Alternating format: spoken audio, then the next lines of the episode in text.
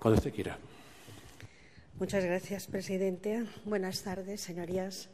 Llegamos al final de más de 50 jornadas de juicio, con idas y venidas, en mi caso de Alcalameco, ustedes de la calle, todos cansados, todos con la vista puesta en el que pasará ahora.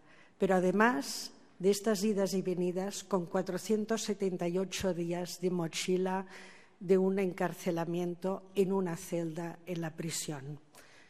¿Cómo me he sentido? Pues es un juicio que durante las jornadas a veces me ha indignado, a veces escandalizado y a veces entristecido, la mayoría de las veces entristecido.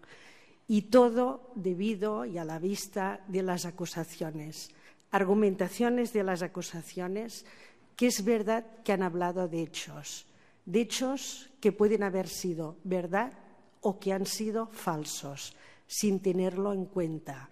Han hablado de la intensidad de estos hechos y de la intencionalidad, pero nunca, ni una sola vez, han hablado de derechos o de vulneración de derechos a muchos de los ciudadanos.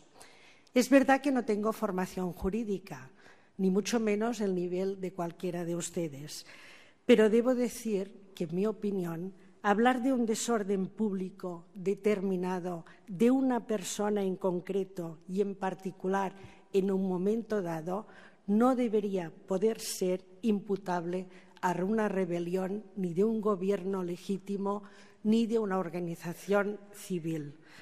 Que hablar del decreto de unos servicios esenciales, de una huelga convocada formalmente en tiempo y forma, con el apoyo convocada por los sindicatos, pero también con el acuerdo de las patronales, no debería poder ser inducida a prueba de acusación